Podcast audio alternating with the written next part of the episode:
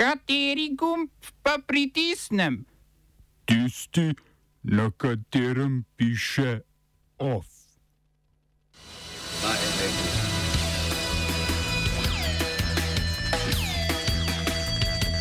Predsedniške volitve v Siriji. Google in Facebook obsojena administrativnih kaznjivih dejanj v Rusiji. Birokratske spremembe za enakopravnost pozabljenih otrok vojne v Sarajevu. Referendum o zakonu o spremembah in dopolnitvah zakona o vodah 11. julija.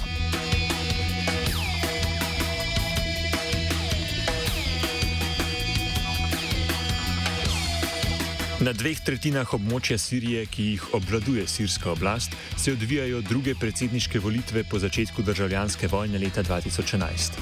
Poleg dosedanjega predsednika Bašarja al-Assada kandidira še nekdani ministr za parlamentarne zadeve Abdalah Salum Abdalah in deklarativno opozicijski kandidat Mahmud Meri, medtem ko opozicijskim predstavnikom v tujini kandidatura ni omogočena.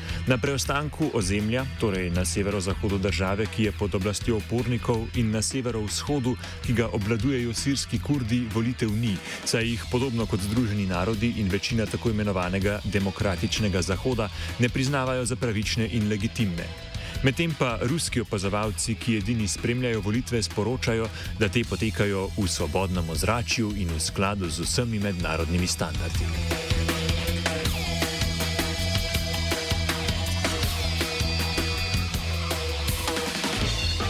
Rusko-internetna hladna vojna je z obsodbo proti Googlu in Facebooku zaradi tako imenovanih administrativnih kaznjivih dejanj končala svojo drugo etapo.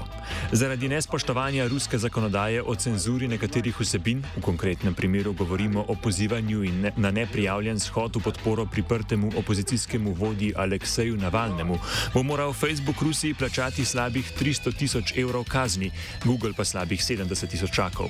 Predtem sta za vsebinsko sicer sicer enaka kazniva dejanja svoje kazni že prejeli podjetji, ki stojita za socialnima omrežjima Twitter in TikTok.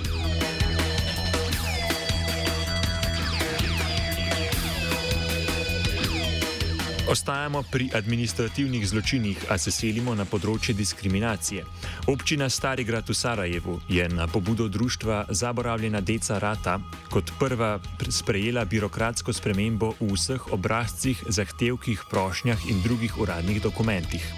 Na mesto kategorije ime očeta bo, občina, bo, bo občinska uprava v najkrajšem možnem času uvedla kategorijo ime enega izmed staršev. Na ta način bodo prekinili tradicijo administracije administrativne diskriminacije zoper otroke, ki so bili rojeni kot posledica vojnih zločinov.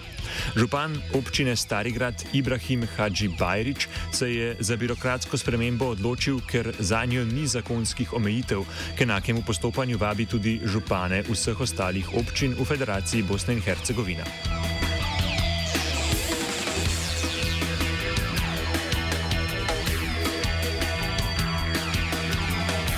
Sarajeva nekoliko proti severu in nekoliko proti zahodu na mejo z Republiko Hrvaško, kjer nas na mejnem prehodu ne spustijo preko, saj vozimo tranzitni tovor.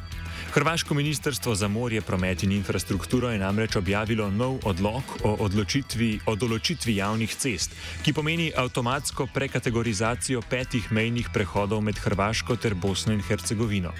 V odloku je določeno, po katerih cestah se sme prevažati tranzitni tovor, kar mejne prehode Ivanica Gorni Brgat, Velika Kladuša Maljevac, Brčko Gunja, Strmica Strmica in Osoje Vinjani Gorni iz mednarodnih cestnih prehodov za transport tovora prekategorizira v navadne mejne prehode.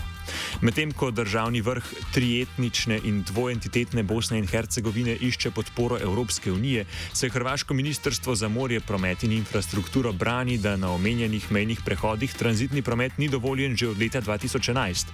Z izjemo prehoda Brčko-Gunja, kjer zaradi dotrajanosti mosta čez Savo tranzitni tovorni promet na pobudo Bosne in Hercegovine ni dovoljen od leta 2019.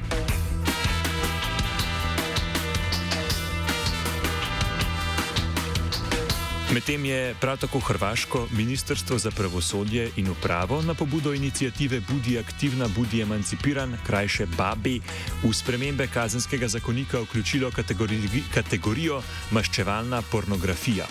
Gre torej za pornografske vsebine, ki jih kršitelji objavijo zaradi maščevanja in brez soglasja druge osebe. V predlogu novele zakonika, ki bo v sabor priromala čez nekaj tednov, se bo tako maščevalna pornografija smatrala za zasebno kaznivo dejanje.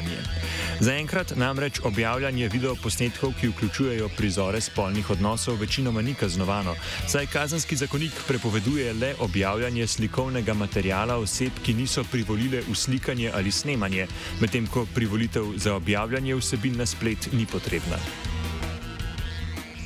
Oba, če, če bom odgovoril na angliški. Slovenija will try to help.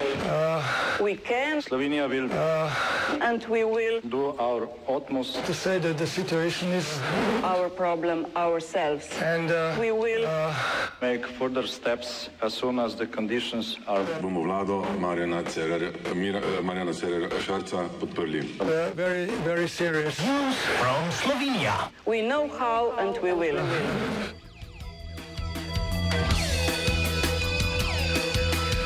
Referendum za pitno vodo bo. Tako so po skrbnem pregledu ustreznosti zbranih podpisov odločili poslanci v državnem zboru. Brez zapletov seveda ni šlo.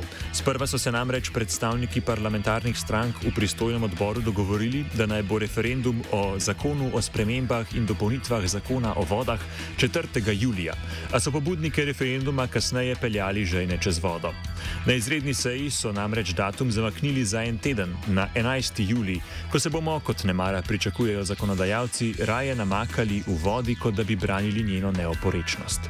Za omaknitev zakona z referendumom je potrebna vsaj petina glasov vseh voljivcev, kar v Sloveniji pomeni več kot 300 tisoč glasov.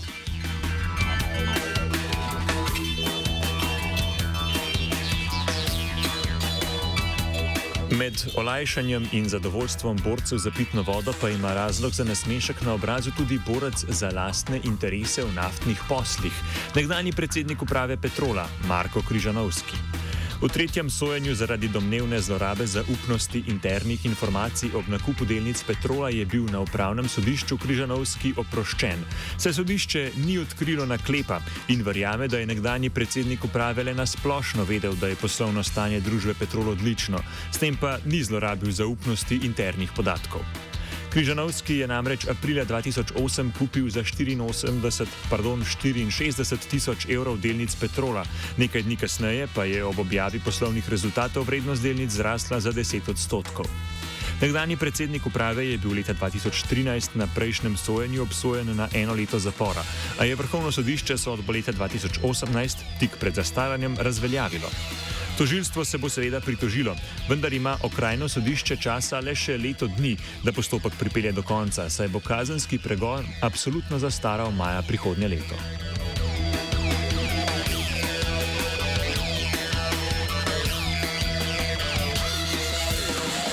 OF je brez Vaskove pomoči pripravil Virant.